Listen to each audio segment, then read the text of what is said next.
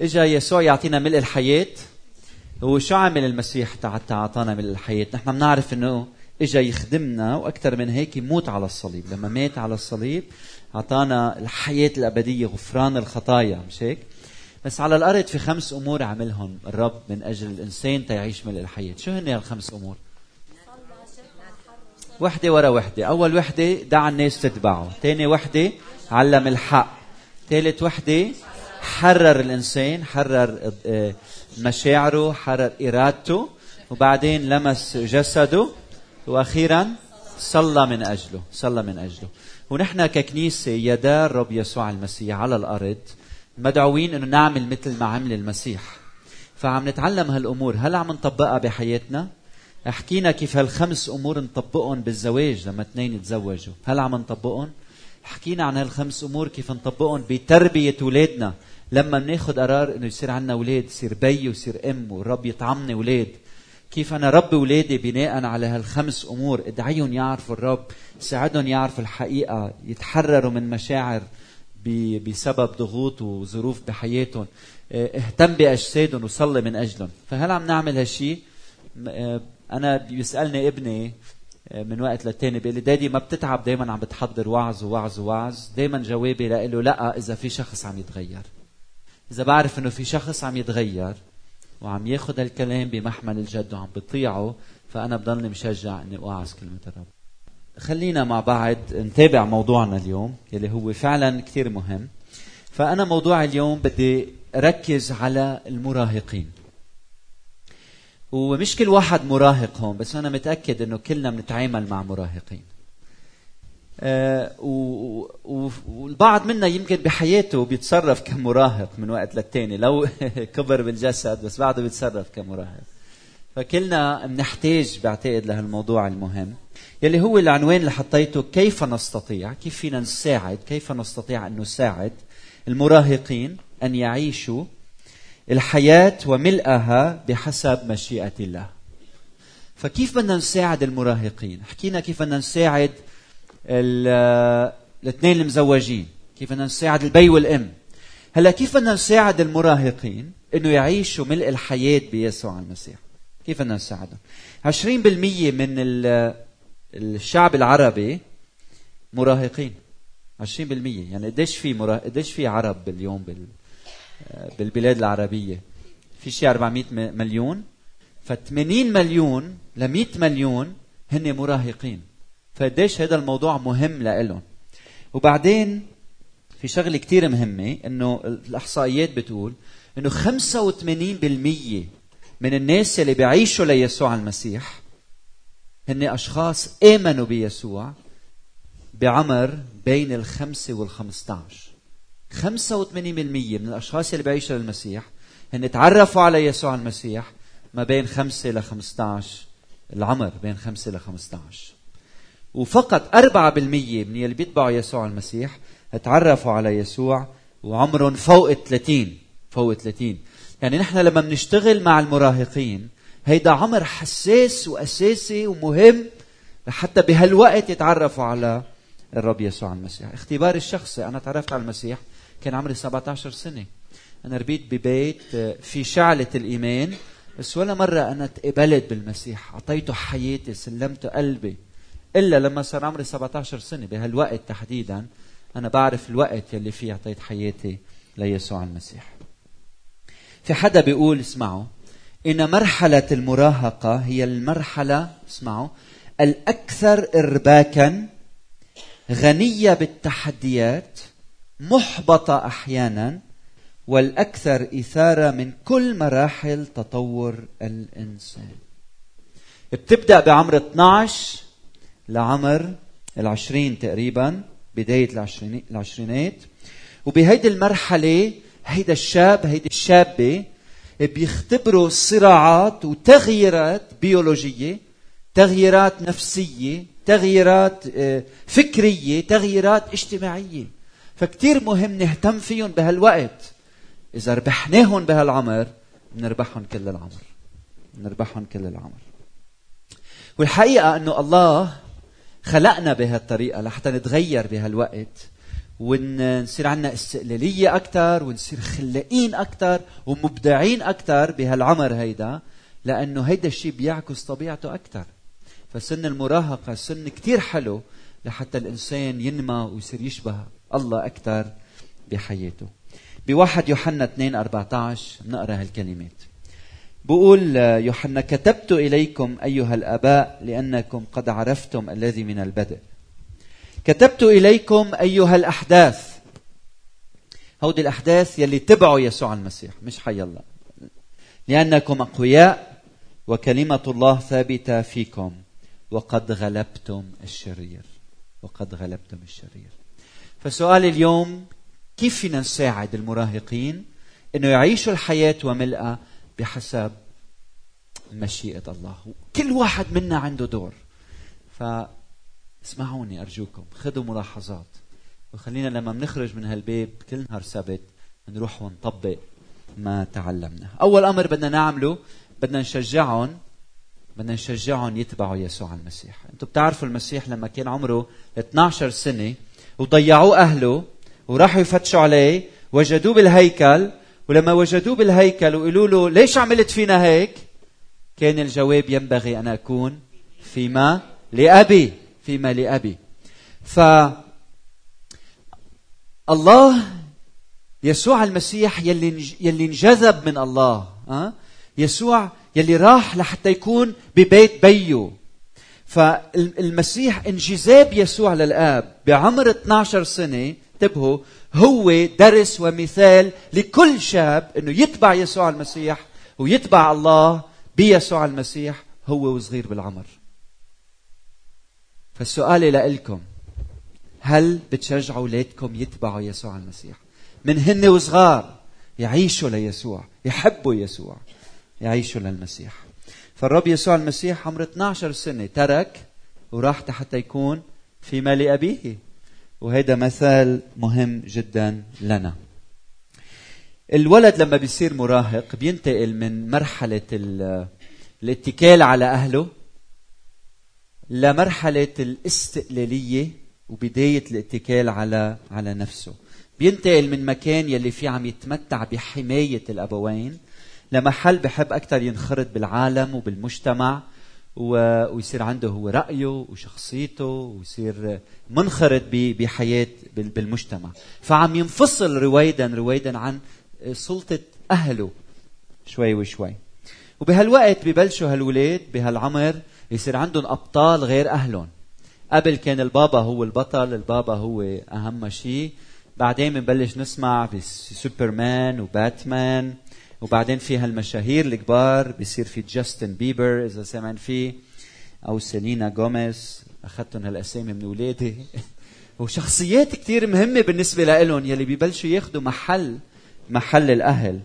فبدي أقوله إنه هالولد بهالعمر لما بيصير مراهق وعم يتحول لمرحلة الاستقلالية المرحلة الجديدة. هيدا هو الوقت انه نعرفه على البطل على شخصية الرب يسوع المسيح يلي كلي القدرة أقوى من سوبرمان وأقوى من باتمان وهو آه، بيقدر يتبع يسوع المسيح بقرار من عنده وإذا تبع يسوع المسيح بيختبر بركات الله على على حياته. فبدنا نشجع أولادنا بهالعمر إنه يتبعوا الرب يسوع المسيح. يسوع جذاب صح؟ الله بيت الآب جذاب. المشكلة إنه الكنيسة أحيانا منا جذابة.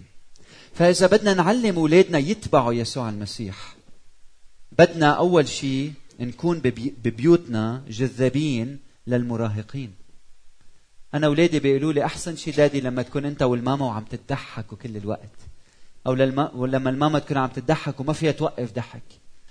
إذا أنت كل الوقت جدي بالبيت المراهق بده يهرب من البيت. إذا على طول أنت معلمة بالبيت المراهق بده يهرب من البيت. إذا ما بيلاقي جو من الحب والسلام والفرح والمرح ما بيجي ما بيتبع يسوع المسيح. وبعدين بدنا مجموعات بمجموعاتنا. اليوم سألت خينا الأثير إذا في مجموعات أو إذا في خدمة للشبيبة بين الخدمة العراقية فعم بقول لا بعدنا عم نصلي لهالموضوع. قديش مهم إنه هال المراهقين يلاقوا مجموعات خاصة بهم لحتى هونيك يبدعوا ويخدموا ويتعرفوا على بعضهم البعض. سألت خمس مراهقين هذا الأسبوع شو يلي بخليكم تبعدوا عن الإيمان؟ شو شو التحديات يلي بتواجهوها باستمرار؟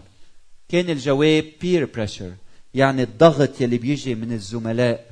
والناس والولاد يلي من عمرهم بالعالم يلي بيعلمون يعملوا الغلط. إذا بتتذكروا نحن لما كنا صغار واحدة من الأسباب يلي خلتنا ننحرف أحيانا هو تأثير اللي من عمرنا علينا بالخطية اللي عم يعملوها. فبدل هال إنه ينحرفوا بهالتوجه إذا في بكنيستنا اهتمام إنه يكون في مجموعات خاصة للمراهقين لحتى هن مع بعض يتعرفوا على بعض يصادقوا بعض بهالمكان الآمن يلي هو اسمه الكنيسة أو بهالمجموعات الحلوة. المكان الآخر هو الكنيسة. لازم دائما نفكر كيف الكنيسة تكون جذابة للجيل الجديد. لازم نفكر كيف ترانيمنا كيف أسلوبنا كيف مواضيعنا تكون جذابة للجيل الجديد. إذا بتدرسوا تاريخ الكنيسة في وقت من الأوقات وقفت الكنيسة عن النمو وكانت النتيجة إنه آه، تركوا شعوب عديدة بطلت ملتزمة كنسيا.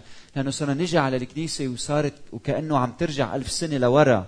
فلازم الكنيسة تضلها تواكب التطور الموجود وتضلها توصل للجيل الجديد. لأنه نحن بحاجة أنه أولادنا يعرفوا الرب أيضا. لما تزور الكنايس ينفوت على كنايس كل الموجودين شعرهم أبيض أو بلا شعر. شعره أسود بيكون صابغ. وبظهر من الكنيسة بنزل بقطع شارع بفوت على كنيسة تانية مليانة من الشبيبة والأحداث. طيب شو السبب؟ هل يسوع هون غير هون؟ لا هو وحده. بس هون الكنيسة ما عم تعرف كيف تجذب الشبيبة. هونيك الكنيسة عم تستخدم أساليب وطرق لجذب الشبيبة. فلما نرجع على العراق أو وين منكم بأي بلد لازم دايما نشجع المسؤولين على رعايتنا وخدمتنا. إنه يهتموا بالجيل الجديد ويخلقوا طرق خلاقه لجذب الجيل الجديد للمسيح. لأنه المسيح جذاب لكن للأسف أحيانا الكنيسة منا جذابة. لكن بدنا نشجعهم يتبعوا يسوع. الأمر الثاني بدنا نقدم لهم الحق. بدنا نقدم لهم نقدم لهم الحق. إذ كتبت إليكم أيها الأحداث لأنكم أقوياء وكلمة الله ثابتة فيكم. في كتير أمور بيمرق فيها المراهق يمكن نسيناها اليوم. في تحديات ذهنية وفكرية ونفسية بيمرق فيها صعبة وبده حدا يوجهه ويرشده ويساعده. في أمور مصيرية لها علاقة بالقيم لها علاقة بالهوية. بيجي وقت الولد هيدا المراهق بيسأل من أنا؟ قبل كان دايما تابع لأهله. بس بيجي وقت ببلش يسأل هالأسئلة العميقة الوجودية. أنا ليش موجود؟ ليه أنا؟ مين أنا؟ شو هويتي؟ وهون دورنا أنه نسند ونوقف حد أولادنا بهالأعمار لحتى ما نخسرهم. بعدين المعتقد بماذا أؤمن؟ قديش في اليوم شباب بيتخلوا عن إيمان أبائهم وأمهاتهم؟ فبلشوا يسألوا الأسئلة الصعبة ليش أنا بدي آمن مثل ما أهلي بيآمنوا؟ ليش أنا بدي آمن بسلطة الكتاب المقدس مثل ما أهلي بيآمنوا بسلطة الكتاب المقدس؟ ليش أنا ما بدي أعمل علاقات جنسية خارج الزواج؟ إذا أهلي قالوا لي هيك هل هيدا بيعني غلط ولا صح؟ فبلشوا يسألوا أسئلة لها علاقة بالإيمان والمعتقد. وهيدي الأسئلة مصيرية مهمة بتأثر على حياتهم. ليش في فقر؟ ليش في آه، آه، عذاب وألم بهالعالم؟ وينه الله؟ فبيبلش يسألوا هال... يطرحوا هالأسئلة الصعبة. يلي بيحتاجوا لمين يرشدهم ويكون حدهم للإجابة عنها. بعدين بلشوا يسألوا أسئلة عليها بالدراسة والوظيفة؟ شو بدي أعمل بالمستقبل؟ شو بدي يكون مركزي؟ كيف اطلع مصاري؟ وين بدي أروح أتعلم؟ كل هالأسئلة الصعبه خاصة إذا عايشين بظروف صعبة. وبعدين أسئلة لها علاقة بالعلاقات. كيف بدي أتعايش مع الآخرين؟ كيف بدي اصير مقبول من رفقاتي؟ شو لازم أعمل؟ شو اللغة اللي بدي أقولها؟ كيف بدي أتواصل معهم؟ ليش ما بحبوني؟ ليه بحبوني؟ ليه مرفوض؟ ليه بفضلوا هيدا الشاب عني؟ ليه بفضلوا هالصبية عني؟ ليش بتصرفوا بهالطريقة؟ فكيف بدنا نساعدهم؟ في عندي ثلاث أمور بذهني. أول شغلة لحتى نساعدهم يجاوبوا عن الأسئلة يلي دايما بحب كررها وذكركم فيها هي بناء قاعدة روحية أساسية بالبيت. قاعدة روحية قوية قوية. امتين منبلش ندرب المراهق إنه يطور وينمي قيم بحياته. امتين عشر سنين قبل ما يصير مراهق هو بعده صغير. هونيك منبلش نعلمه. وأنا دايما بذهني في مثل ركيزة إلى ثلاث أرجل يلي دايما بسعى أعملهم ببيتي وين ما أكون وكيف ما أكون وين ما أعيش. ثلاث أمور دايما حافظهم. أول وحدة بدي أولادي يشوفوا من خلال حياتي إنه أنا بحب الرب بحب الرب محبة الرب. أنا ربيت ببيت ما كنا نحس بمحبة الرب. كنا نقول نحن مسيحيين بس ما كنا نختبر هالمحبة. أنا بدي أولادي يعرفوا قديش أنا بحبه للرب قد أنا بحبه. قد أنا بحب الآخرين من خلال محبتي للرب. قديش أنا مغروم فيه قديش هو غالي على قلبي. قديش أنا بعرفه شخصيا. لأنه هيدا اللي بيبقى. الأمر الثاني هو حب الرب طيع الرب. بدي ولادي يعرفوا إنه أنا بسلك بهالطريقة إنه ببيتنا في سلام ومحبة لأنه بيتنا مؤسس على كلمة الرب. فكلمة الرب طاعة كلمة الرب هي الفرح والسلام هي الرجا موجود إذا أنا بطيع الكلمة. فنحن بيتنا هيك لأنه منطيع كلمة الرب. نحن ما بنعمل هيك لأنه منطيع كلمة الرب. نحن ما بنحكي على الناس لأنه منطيع كلمة الرب. والأمر الثالث بنخدم الآخرين. منحب منطيع بنخدم منحب منطيع بنخدم فأولادنا بده يشوفوا إنه نحن بنخدم الرب. امتين آخر مرة أخذت ولدك ورحت خدمت حدا. امتين علمت ابنك يخدم. يخدم يخدم. مش دايما. أولاد بهالعمر بدهم كل شيء لنفسهم صح؟ بدهم لإلهم. بيتخانقوا لأنه الأمور بدهم إياها امتين آخر مرة علمت أولادك يعطوا يعطوا. فهودي هيدي القاعدة يلي أنا ببني إيماني وحياتي عليها. مؤسسه على كلمة الرب.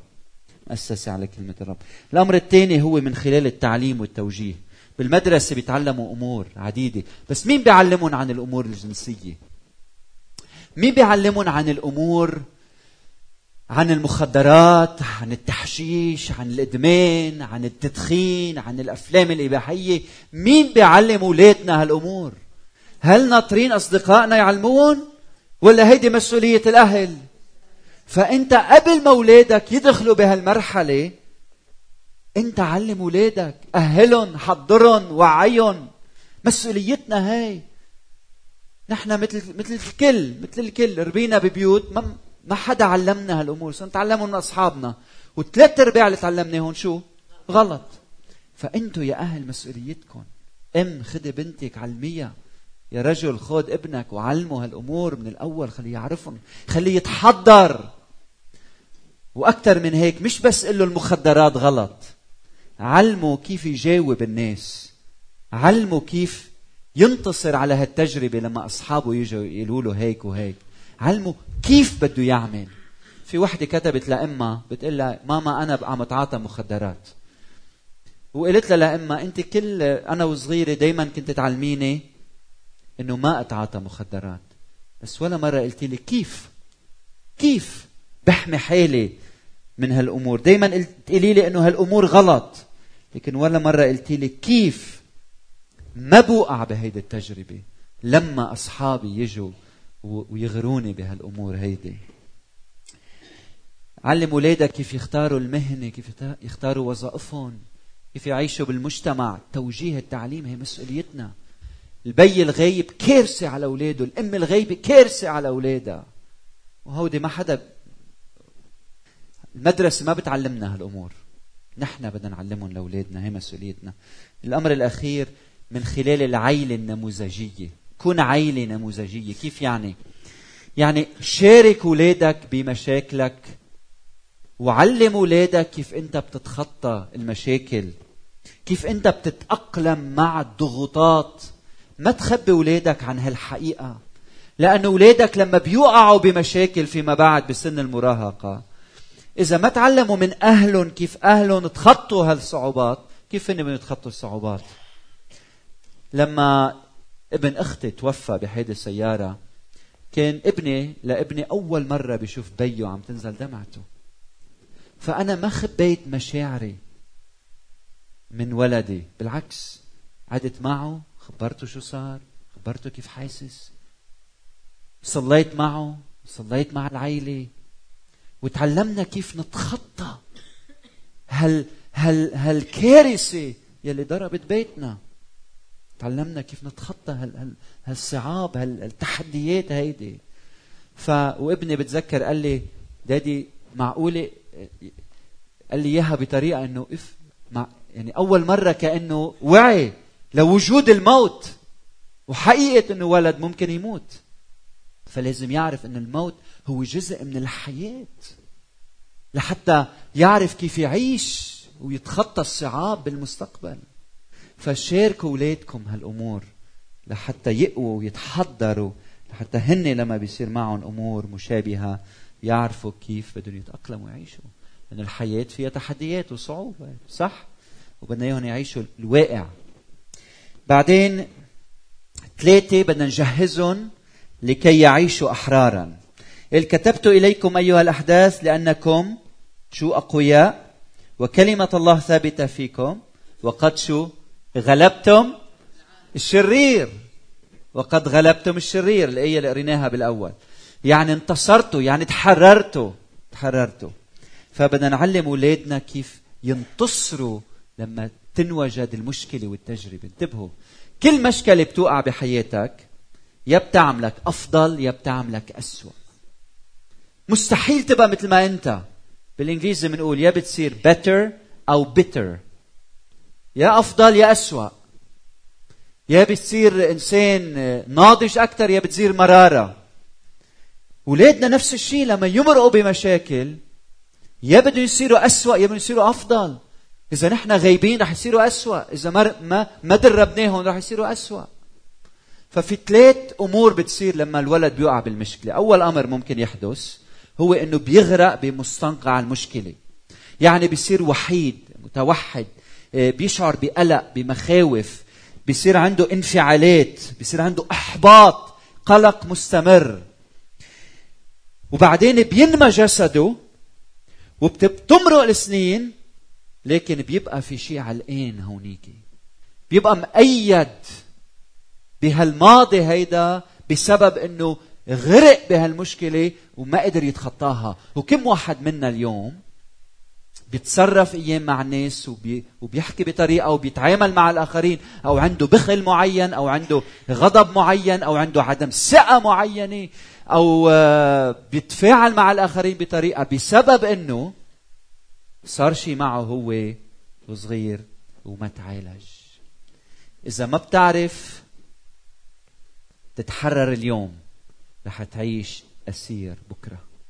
رح تعيش مسجون بكرة. إذا حدا مسجون اليوم هو لأنه ما عرف يتحرر بالماضي. فبدنا نعلم أولادنا كيف يتحرروا وكيف ينتصروا. فأيام الولد بيغرق بهالمشكلة. أيام الولد بيعمل شيء تاني بيعمل ردة فعل. وردة الفعل بتكون التمرد نتيجة هيدي الضغوطات أو الاضطرابات. بنشوف الولد عم يعصي. أنا حر ما بدي أعمل هيك. بلش يتعاطى مخدرات مثلا أو يدخن أو يكذب أو يسرق أو يصير عنيف. بنشوف أولاد آه، مراهقين بيروحوا وبيدخلوا بمجموعات إرهابية أو بيصيروا يعملوا أعمال جنسية غير مقدسة. بيسقط بالمدرسة بتصير نقول له يلا منك شاطر ما عم تعرف تتعلم. كل هيدا التمرد هيدا هن عوارض لمشكله أساسية. في داخله في اضطراب في داخله في مشكلة في داخله. إذا ما عرفنا نعالج هالمشكلة رح يبقوا كل العوارض رح تبقى رح تبقى بحياته. الطريقة الثالثة يلي بيتجاوب المراهق مع المشاكل هي الهروب. تعرفوا إنه آلاف من المراهقين بيهربوا من البي... من بيوتهم؟ أغلبيتهم بنات عمرهم بين ال 15 وال 17 سنة.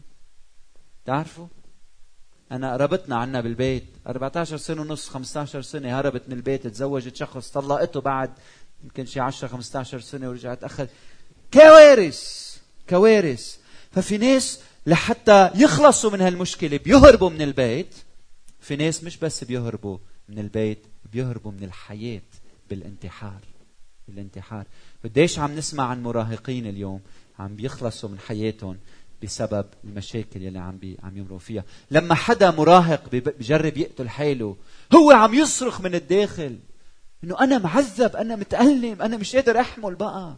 هالصعاب يلي عم عيشها التحديات هالخوف هالألم هالقلق هالوجع الضمير.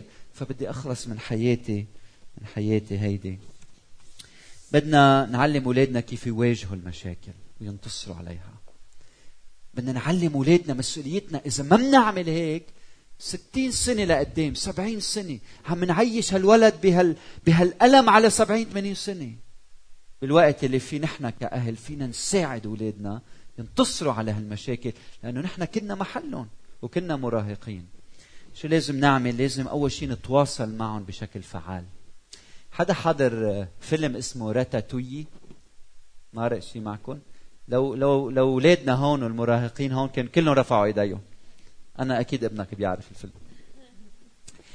آه لما كنا بفرنسا رحنا على مدينة ملاهي و وفتنا بلعبة كنا كلنا مع بعض بصندوقة. هاي الصندوقة هي الفارة هي فأر ومن خشب. فقعدنا فيه وفتنا بهالمكان يلي فيه أنت بتعيش كأنك فقر وبتشوف كل شيء حواليك من منظار الفقر الفقرة.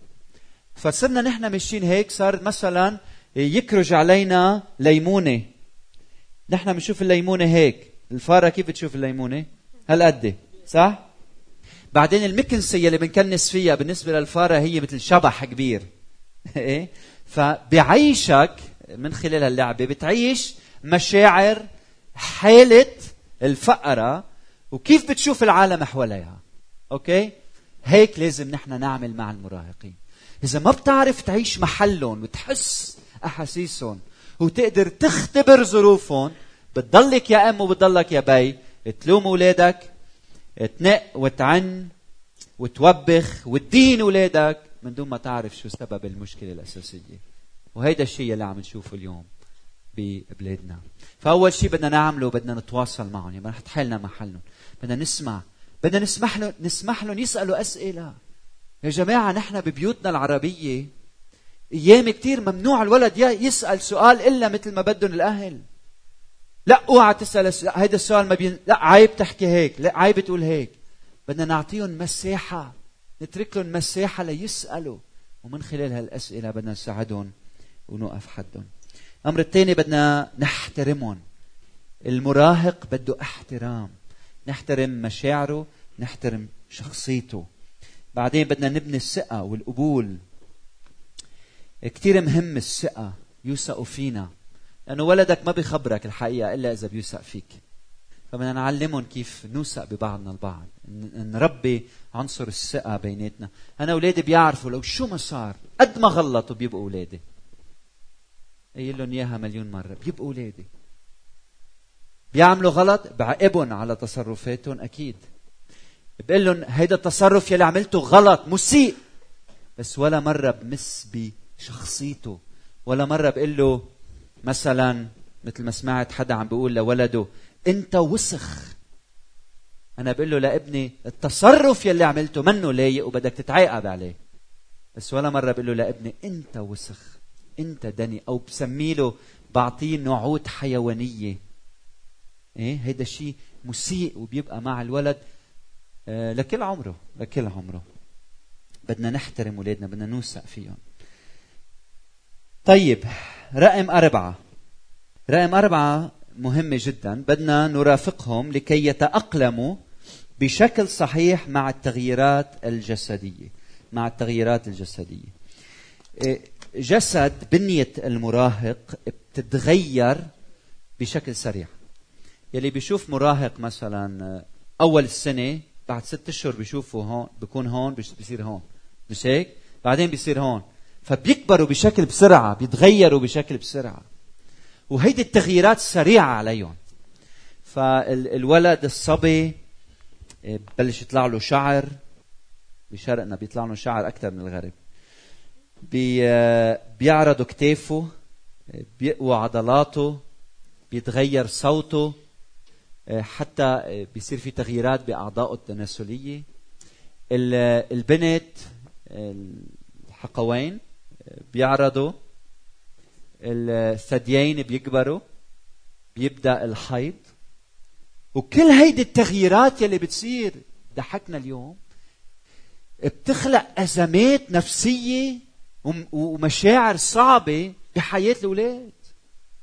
وإذا ما بنعرف كيف نرفقهم بهالمرحلة بيعيشوا حياتهم كلها عم يتعذبوا نتيجة إنه اختبروا أمور مسيئة أو ما فهموها بحياتهم. بتذكر أنا لما مرقت بهالعمر كنت اوقف قدام المراية يو نو قبل كان ما كان يعني لنا شيء هالأمور. بعدين بتصير عندك وعي لذاتك تطلع على المراية بصير يهمك شكلك بيهمك كيف شكلك. بعدين صرت لاحظ إنه منخاري عم يكبر أكثر من منخار أصحابي. ف... فصرت لما صرت لما أحكي مع واحد لأنه صار عندي وعي صرت إذا واحد على جنبي هيك يعني هيك جرب ابرم اطلع فيه لحتى طلع دغري كرمال شو؟ منخاري مش هيك؟ فكان دائما عندي وعي لهالشيء وانقذ و... وكان أكثر ممثل بحبه هو ستيف كارل. سامعين فيه لستيف كاريل؟ بتعرفوا ليه بحبه أكثر شيء فكان هو أفضل ممثل بالنسبة لي ف فالمظهر الخارجي بيأثر على نفسية أولادنا. هلأ بنضحك وبنضحك على الأمور لأنه تعلمنا كيف ننشفى من هالأمور بس هيدا الشيء بيأثر على نفسية أولادنا البنت الشاب.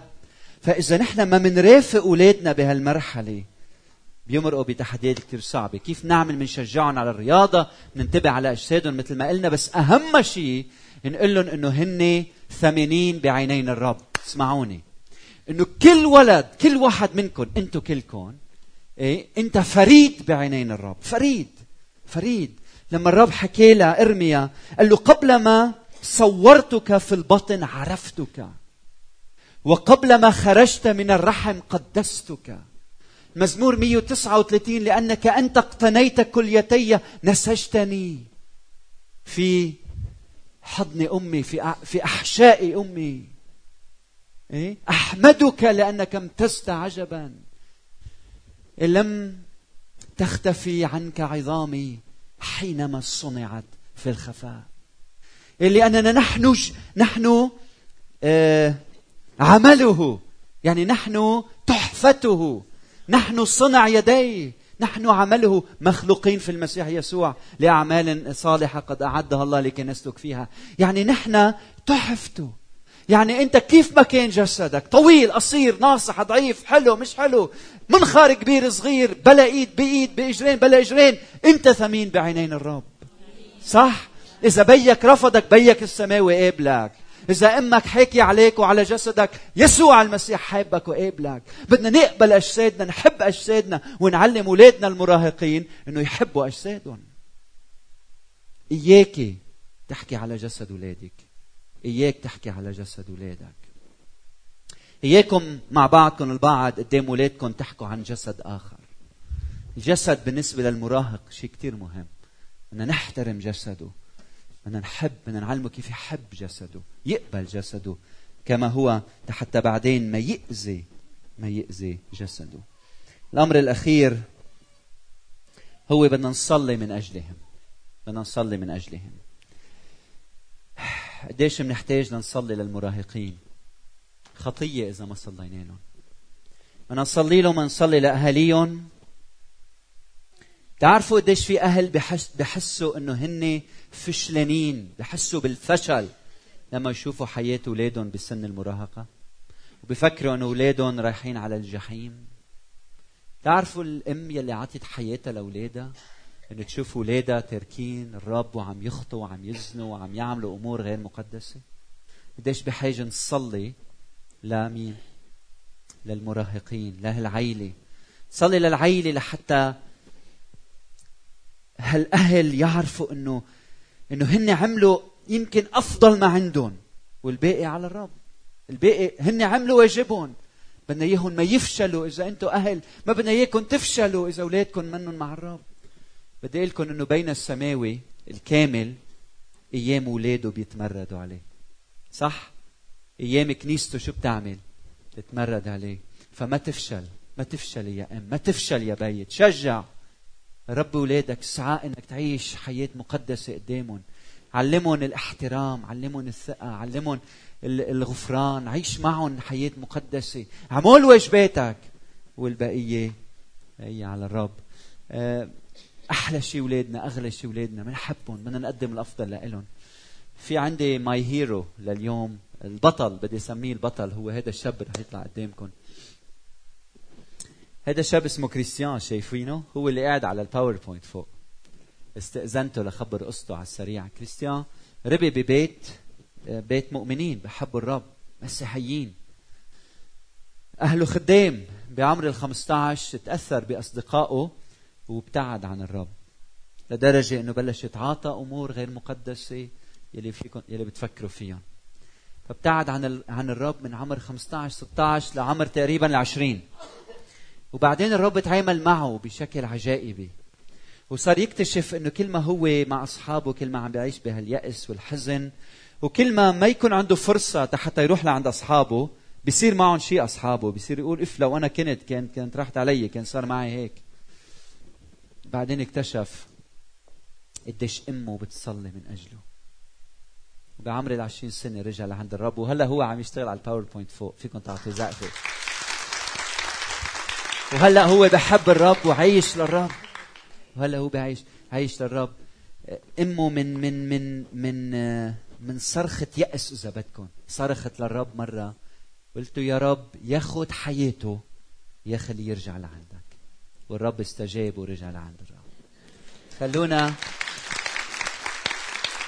خلونا نحن رؤوسنا بكلمة صلاة. بدنا نصلي للمراهقين وبدنا نصلي للأهل. خليكن معي. هلا وقت نتجاوب مع كلمة الرب.